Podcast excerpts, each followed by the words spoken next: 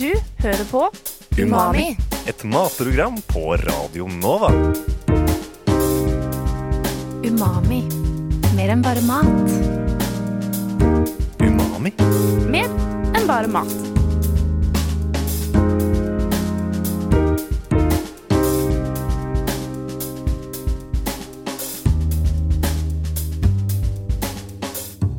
Umami.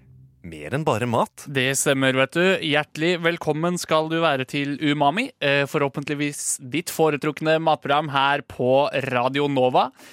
Eh, Mitt navn er Henrik Evensen, og med meg i dag har jeg som gjest Henrik Rask. Hei, Henrik Evensen. Hei, Henrik. Du jobber som kokk helt på ekte. Jeg jobber som kokk. Virkelig helt på ekte. 100% helt på ekte. Det er ikke dårlig, det. Eh, jobber som kokk på Kulinarisk akademi i Oslo. Det stemmer. Eh, Det skal vi snakke litt om. Vi skal snakke litt om hvordan det er å jobbe som kokk. Eh, Og vi skal snakke litt om eh, fine dining, eller gourmetmat. Eh, Men aller først skal du få høre Amalie Holt Kleive med sin nye låt 'Slippe'. Amalie Holt Kleive med sin ferske låt 'Slippe' var det. Og du hører fortsatt på Umami på Radio Nova.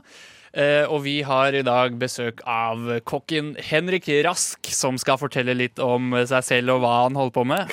Og det kan du egentlig bare sette i gang med. Skal jeg bare starte med det, liksom? Ja. Ja, det heter Henrik Rask, da. Eh, Stått på et kjøkken i ti år, har det blitt, da. Ja. Starta, Jeg kommer fra Gjøvik, så jeg starta der. Var lærling på et sted som heter Gammeltorget spiseri. Eh, mange tenker at «Å, han var lærling på Gjøvik, det var ikke så bra der. Men jeg var veldig heldig, for det var en kokk, en veldig kjent kokk, i hvert fall innad i miljøet, som eh, kommer fra Gjøvik, som kom tilbake igjen rett før jeg ble lærling. Så jeg fikk liksom gå i hans lære, da. Så jeg fikk Oslo-kunnskapen på Gjøvik. Det var veldig heldig. dårlig. Så bodde hjemme hos mor og far der, og så flytta jeg til Oslo. Da var jeg ferdig utdanna og jobba to år på Kulinarisk akademi. Som da var fram til 2016. Og så flytta jeg til Paris og jobba to år der. Fram til jeg kom hjem i fjor sommer. Mm. Så da jobba jeg på ambassaden, eh, den norske ambassaden i Paris. Og fikk alt inkludert der, på en måte. Så da fikk jeg liksom oppleve litt mer enn bare Norge og Oslo, som egentlig er ganske lite da sett med matøyne. Mm. Så kom jeg tilbake igjen da i fjor sommer, og nå er jeg da student og deltidskokk også på Kulinarisk akademi. Ja. Så der driver vi med alt mulig da innenfor mat. Vi er liksom ikke en restaurant som du kan komme inn døra på og sette deg ned og bestille mat, men du kan gjøre alt annet igjen. Vi har masse kursing med sånne eventer og teamgreier og mye bedrifter og sånn Så kommer det gjøre greier. Eller så har vi kursing hvor du kan lære mat og vin i kombinasjon. Skrive noen bøker, vi lager noe vin. Utdanne vinkelnere. Ett av tre steder i Norge som kan gjøre det. I tillegg så har vi også vinutdanning for privatpersoner, som de kan melde seg på. Som er sånn internasjonal VSET, da. Wine and Spirit Education Trust, er det vel det står for. Så da kan folk bare betale og få en vinutdannelse, da. Men hva er det du spesifikt gjør eh, på jobb på Kulinarisk akademi? Eh, spesifikt holder jeg da kurs da, for folk, enten som melder seg på, eller bedrifter. Så da har vi liksom enten kjøttkurs, fiskekurs, bakkekurs, pizzakurs, streetfoodkurs, tacokurs, Ja.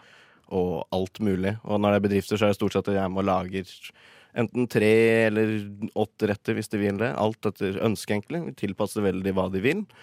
Og så har vi jo masse selskaper, så lager selskaper og ja, lærer andre er egentlig hovedfokuset med plassen, da. At folk kan komme, liksom komme og lære om mat, framfor å bare spise det. Er det alltid sånn at eh, de som spiser maten, eh, får en eh, leksjon i hvordan man lager det? På en eller annen måte, ja. Det er hele prinsippet med Ja, for vi vil liksom ikke være bare at du kan komme og spise. Da må det være store selskaper som vi på en måte har et godt samarbeid med. Framfor at eh, ja, for ja, vi vil helst at folk skal lære om ikke, ja, hvordan ting er gjort og teknikker og sånn. Så jeg har skrevet to bøk, tre bøker. En om sushi, en om saus. Eh, Sushien er sushien, for så vidt. Litt om dens historie på den litt norske måter der. Og så har vi en om saus, som liksom er grunnteknikkene i de forskjellige sausene. Smørsauser, kraftsauser, eh, jevningssauser og de vanlige der. Og så kom vi med vår siste bok, som kom i 2016. Ble årets kokebok da. Det er en sånn teknikkbok, da. Som liksom tar for seg alle teknikkene i alle, alle hjørnene i matlaging. da. Mm. Når det kommer da til koking, som alle kan, men ikke så mange kan kanskje vet teknikken rundt. Uh, steking og grilling og litt mer fancy ting som posjering og sous vide, altså koking under vakuum på lav temperatur. Og bresering, som kanskje er den vanligste måten å, å tilberede mat på for folk flest. Men de færreste vet at det faktisk er bresering. Så når de hører bresering, blir de for liksom reise håra seg på, på skuldra bare å, å, det høres veldig vanskelig ut. Men lapskaus er en bressert gryte, på en måte. Det er ikke noe det er ikke noe mer fancy enn det. Så det er litt sånn kunnskapen rundt. da.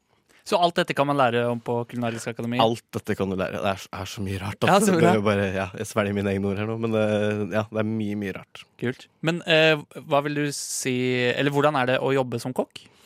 Jobbe som kokk er eh, kanskje Altså, jeg har jo alltid hatt lyst til å bli kokk. Jeg har en sånn klassisk historie som jeg alltid forteller eh, når det kommer til det å være kokk. For når jeg var åtte år, så fikk jeg min første lønning. Jeg klippte, klippte gresset hos mormora mi. Eh, fikk 50 kroner, gikk på butikken, som var midt imellom der hun bodde og der jeg vokste opp. Eh, og framfor å kjøpe godteri, som kanskje de fleste andre åtteåringer ville gjort, så kjøpte jeg meg en pakke med koteletter. Er Som jeg gikk hjem og grilla.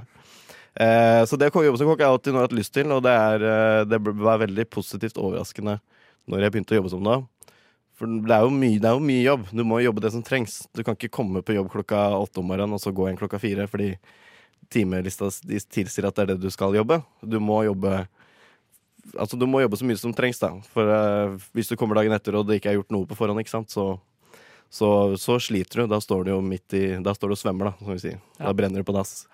Så det å være kokk er det, er det mest givende jeg har hatt, for du, du Altså, mat er et såpass sosialt bindende, både som kultur og, og miljø, at du liksom du binder relasjoner og, og fellesinteresser over noe du spiser, da. Alle må jo spise helst minst tre ganger om dagen, i hvert fall. Og da får du liksom en sånn relasjonsbinding som kan gjøre gjennom mat, og at jeg på en måte er det bindemiddelet da, som lager maten for de.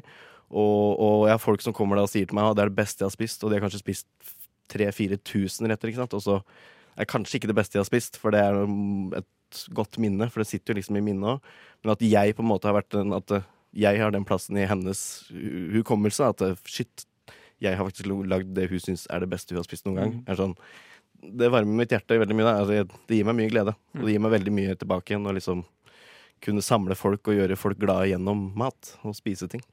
Det skjønner jeg. Så å jobbe som kokk er eh, magisk. Det er magisk. Eh, skaper gode opplevelser. Eh, men du snakka så vidt om det i stad. Men hvordan så utdannelsen din ut? Eh, utdannelsen til kokk er jo veldig Den er jo sånn som staten vil at den skal være. da Det er to alternativer. Du kan gå to år videregående og så to år lærling. Eller så kan du gå fem år lærling eh, rett ut, og så kan du ta fagbrev. Det er jo det er et svennefag, så du må jo ta et fagbrev i det for å kunne liksom være godkjent kokk da, på papiret. Så eh, ja, det er en veldig vanlig sånn yrkesutdanning sånn sett. Så men ja, jeg ville alltid bli det, så jeg måtte liksom svelge den kamelen det var. da, og Alle andre jeg kjente, samtlige av de jeg kjente, søkte seg på eh, Gjøvik videregående, som det het. Mens jeg måtte til Raufoss, som er sånn bygd på Toten. Aha, det er der ja. de har kokkelinja i mitt nærområde. Ja. Så gikk jeg der aleine i to år. Mens alle andre jeg kjente, gikk på en helt annen skole. Så det var, det var jo tøft, men altså, jeg var jo veldig bevisst og veldig målrettet på at det er det jeg vil bli. Så.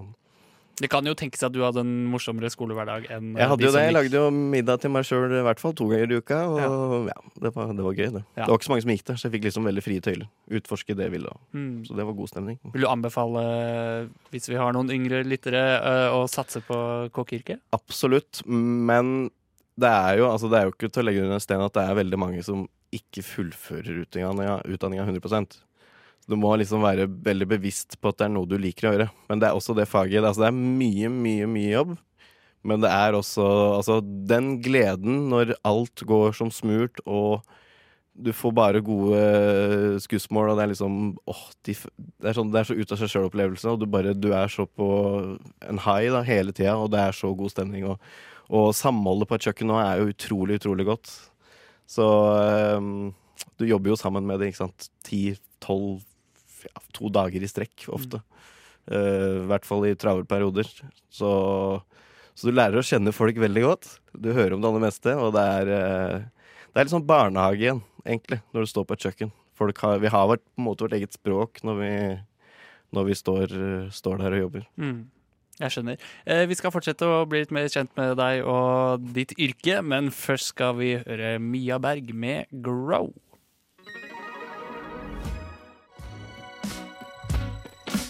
Mia Berg med 'Grow' fra Radio Nova sin ferske A-liste. Eh, Du hører på Umami på Radio Nova, som sagt. Og vi skal snakke litt om fine dining, vi, Henrik. Det skal vi, Henrik. Ja. Eh, Først, hva er ditt forhold til fine dining? Du, fine dining er eh, Jeg har Altså, på sin måte så har jeg jobba nå i fine dining da, i de siste åtte åra. To år som egen sjef. Ansvar for egen fine dining. Men Så jeg har jo et godt forhold til det. Jeg har egentlig ikke forhold til så mye annet heller. Nei. Men jeg kan teorien rundt det som ikke er nødvendigvis så fine dining, da. Ja. Men altså, begrepet fine dining er jo veldig subjektivt.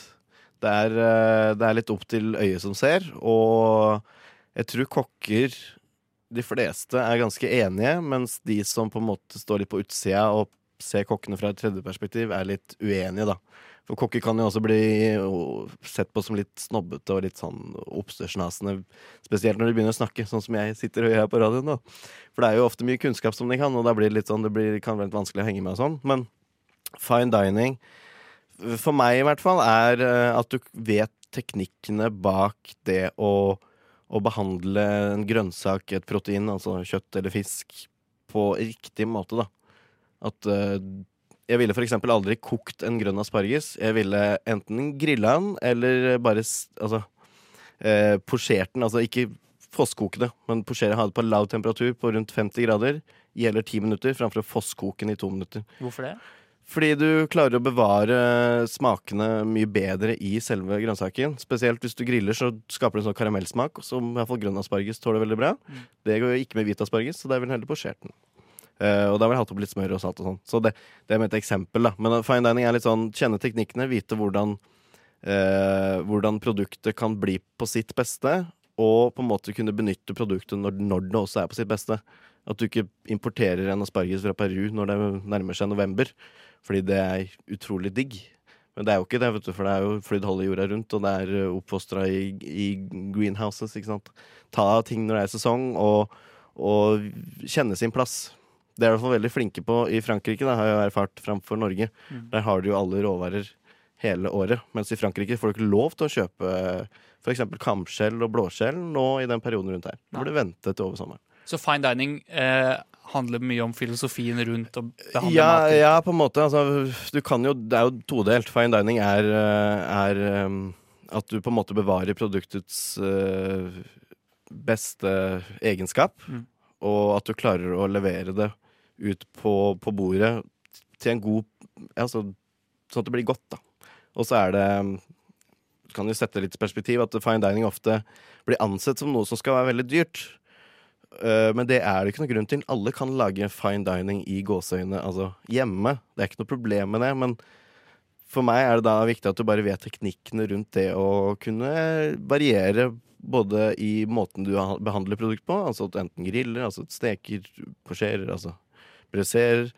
eh, og så er det litt det å, å raffinere det og få det til å få sånn visuelt få det til å se litt fint ut, da. Sånn at det, for du, smaker, du ser litt med øya, og, og klasje på en, eh, en amerikaskje med potetmos og ha noen stekte pølser er liksom ikke Det er jo ikke fine dining på si, men hvis du, hvis du lager en god hjemmelaga potetmos og liksom kunne og starte litt på scratch og liksom utvikle produktet på sitt beste måte. Og lage en hjemmelaga potetmos, bare et eksempel, så så eh, er du på en måte allerede på lang vei til å kunne kalle det fine dining. For det er liksom Og heller Og da lage sin egen pølse. Og det, det er litt sånn Det er litt mer tidkrevende, den fine dining-biten, men men eh, det er ikke noe i veien for ikke å lage det hjemme. Det trenger ikke være noe dyrere enn vanlig mat, egentlig. Det er kun liksom å, å kunne heller eh, benytte seg av egenskapen til produktet, fremfor å bare fort og gæli og halvfabrikatet, da. Men er, det, er det noe helt konkret som skiller en restaurant som eh,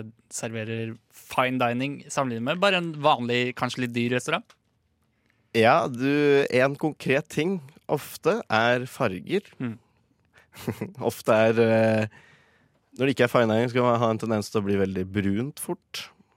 Men eh, For det er mye stekt, og det er mye Gryter og sånn er en typisk ikke fine dining-greie. Det kan smake mye, mye bedre enn en fine dining-rett, men det vil jo ikke gå under samme sjanger.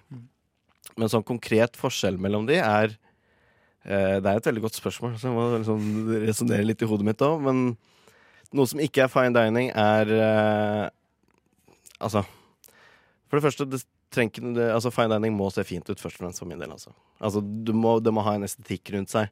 Ikke at det trenger å stå med pinsett og sånn, men at det istedenfor å putte grønnsakene i det hjørnet, og sausen i det hjørnet, og kjøtt i det hjørnet, og rosenkålen i det hjørnet, at du på en måte putter eh, eh, Lager noe ut av poteten, for eksempel, og putter kjøttet oppå, og så rosenkålen rundt, og så sausen rundt der igjen. Ikke noe verre enn det, på en måte. Da har du på en måte allerede skapt en sånn fine dining-inntrykk, i hvert fall. Ja. Eh, fremfor at det, det er veldig sånn hjemmesnekra, på en måte. Presentasjon er viktig. Presentasjon er viktig. Altså, det er, det er ikke så vanskelig. Det er veldig, veldig veldig lett. Det trenger bare to forsøk, så har du det allerede mye bedre. Se Mm. på det sjøl. Var det der fint? Er svaret til deg sjøl nei, så er det jo ikke det. Da må du bare gjøre det på nytt. ikke sant? Mm. Så Utseende, ja, og så er det det at det ikke alt er likt. At du på en måte har variert eh, teknikken rundt det. Men eh, hva er det du tror gjør at eh, liksom gourmet- eller fine dining-restauranter ofte er så mye dyrere enn eh, andre restauranter? Ja, der kommer egentlig det spørsmålet igjen. Altså eh, Fine dining har jo blitt til det at det skal ofte være litt dyrere. Og det er jo eh, Altså, du kan bare tjene så og så mye penger på én stol. Og når du på en måte skal finjustere og kjøre veldig på det konseptet fine dining, som har blitt til at det er veldig rene smaker og sånn, sånn som fine dining blir oppfatta i dag, så må du, og du skal gjerne da ha så mange rene smaker som mulig, så må du fort opp i 10-15, om ikke 20 retter, ikke sant? Som er sånn Det høres litt tullete ut, men de er såpass små, og det er, altså det er mer en opplevelse, da. Og fine dining har blitt en mer opplevelse framfor en middag. Mm. Og, og du kommer til å huske det lenge. Og, og, og for å på en måte rendyrke det konseptet, så, så må du ha flere kokker. Og, og gjerne sånn at kokkene på en måte kan komplementere antall gjester. Flere kokker betyr ikke nødvendigvis flere gjester, men det betyr kanskje bedre mat. Og da blir det jo det at du må faktisk betale for råvarene. Du må lønne de kokkene og servitørene, og du, du skal betale husleie, ikke sant. Og, og da går det på en måte litt opp på hverandre. Men, men eh, Så det er litt synd at det har blitt sånn. At fine-dining på en måte er i den retninga at, det- at det skal være sånn. Men ja, sånn er det bare. Det er vel på en måte grunnen til at det blir dyrere, da. Men det er jo ikke Det finnes jo en del restauranter i Oslo som ikke nødvendigvis er sånn. Nei, jeg skjønner. Har du noe eksempel på Ja, På du har um, Når det kommer til fine dining, altså eh, Du har Arakataka. Eh, bass. Nå er det lenge siden jeg var på en ekskursjon i, i, eh, i Oslo, men eh, bass. Du har Publico. Det er liksom Det er gode retter som er rene, og du har Det er på en måte få, få elementer. da. Det er ikke noe sånn Alt har sin plass, og alt er synlig, alt kan spises. Mm. Og det er ikke noe dyrt heller. Koster kanskje 100-150 kroner for en, en reasonable size forrett. Og kanskje 2-250 for en hovedrett. Ikke sant? Det er, det er helt greit, og det er utrolig godt, og det er fint innafor det konseptet som er Så vi snakker om noe annet som er fine dining. Så gøy. Eh, men hjemme, da? Eh, hva er det du typisk eh, lager i hverdagen selv? Jeg fikk den, ja. eh, nei, jeg er eh, Akkurat nå så er og har vært siden begynnelsen av april, så har jeg spist veldig mye sjømat. Jeg eh, elsker sjømat, og det er liksom Det er i sesong eh, fra februar til nå egentlig ut mai, og så skal de begynne å formere seg, så da kan de ha en litt sånn bismak rundt seg, og lukter ofte litt ekstra. Men eh, nå i siste har jeg laget mye blåskjell, mye reker og, og sånn ikke nødvendigvis det dyreste, på en måte, men det er for meg enkelt og greit. Skal jeg lage meg noe skikkelig hjemme, så tar jeg ofte og steker meg et kyllinglår. Og skal jeg være skikkelig simpel, så lager jeg bare en eh, koker jeg noe pasta. Og da kjøper jeg Barilla spagetti. Altså, jeg er ikke, det er ikke der, liksom. Og så mikser jeg bare litt egg og litt giano og, og pepper, og så lager jeg på en måte en carbonara-ish greie ut av det. da. Ja. Men eh, hvis du skulle hatt eh, selskap nå til helgen, da, hva ville du gått for da? Ja, nå som jeg nevnte i stad, har jeg vært inne i til og med i spar- asparges allerede. Den er jo også i sesong nå. Norsk asparges er jo på markedet, så den er er jo mulig å kjøpe. Så eh, jeg ville anbefalt å grille asparges og lage en eh, hollandes annoslag. Egentlig en veldig lett saus å lage. Det er hø- bare teknikken som på en måte er litt vanskelig. Mm. Eh, og så uh, grille asparges, hollandes, noe sitron, ferdig, egentlig. Ja. Altså For meg, jeg trenger ikke mer. Altså, bruk råvaren for det det er verdt, på en måte, og heller nyt de fremfor å bare fylle på og fylle på bare for å få mer på tallerkenen. Mm. Eh, men har du noen tips som du har plukka opp fra jobba lenge i bransjen, som lytteren kanskje kan eh, teste ut hjemme på sitt eget kjøkken? Ja, altså veldig mange sliter jo Eller veldig mange, altså En del sliter jo med det og Når du kommer til fisk, at du oversteker den. Det er en sånn typisk at du putter laksen på 200 grader rett i ovnen. Det står jo ofte på pakninga. Sett ovnen på 230 grader, så lar du laksen stå i ti minutter. Og altså Og kjøttet ditt skal liksom være så og så mye, og og kyllingen blir tørr, ikke sant. Og, så et sånn spesifikt tips som jeg alltid deler med folk, er at uh, ta og spek maten. Det, altså, hva er speking? Men, men har du eh, et litt mindre mørt kjøtt, altså ikke entrecôte og indrefilet, men litt mer sånn høyrygg og mørbra og de bitene der, eh, rull det litt rundt i havsalt og la det ligge en halvtime, og så skyller du bare av, for da, får du, på en måte, da binder du fibra mye bedre. Samme med fisk. Eh, legg den enten i en saltlake, altså 10% saltlake, 100 gram salt per liter vann. Miks det ut, og så lar du det ligge der et kvarter 20 minutter. Og da, da holder det mye mer på fuktigheten. Og ikke putt det på 100 grader. Altså resultatet Altså en laks blir gjennomstekt på 100 grader selv, framfor også 200 grader. Det tar bare litt lengre tid, men produktet blir mye bedre. Og det er liksom kunne bevare egenskapen i produktet Mm. hele veien. Mm. Så det er sånn speking. Jeg, jeg kan skrive en umami-sak-lingo for Ja, dere. kan du ikke det? Jeg kan gjøre det. Du, Vi har uh, veldig kort tid igjen, så eh, jeg har masse mer jeg lurer på. Jeg, så vi må ha, deg, må ha deg i studio en gang seinere. Men uh, helt til slutt, hender det at du spiser på McDonald's? Det hender at jeg spiser på McDonald's. Jeg, jeg er en sånn en. Jeg har enda et opp, uh, spørsmål. Jeg. Syns du Maimo er oppskrytt? Både ja og nei. Okay. Men det er til neste gang. Til neste gang, absolutt. Uh, tusen takk for at du ville være og snakke litt om uh, ditt yrke som kokk. Bare hyggelig. Kos meg. Ja, så bra. Uh, Umami fins som vanlig på podkast, både i Spotify og i iTunes. Eh, og jeg eh, takker eh, så meget for at du valgte å følge oss også i dag, kjære lytter. Eh, nå får du pikekyss med sykler uten hender. Ha det bra! Du hører på Umami. Et matprogram på Radio Nova. Umami. Mer enn bare mat. Umami. Mer enn bare mat.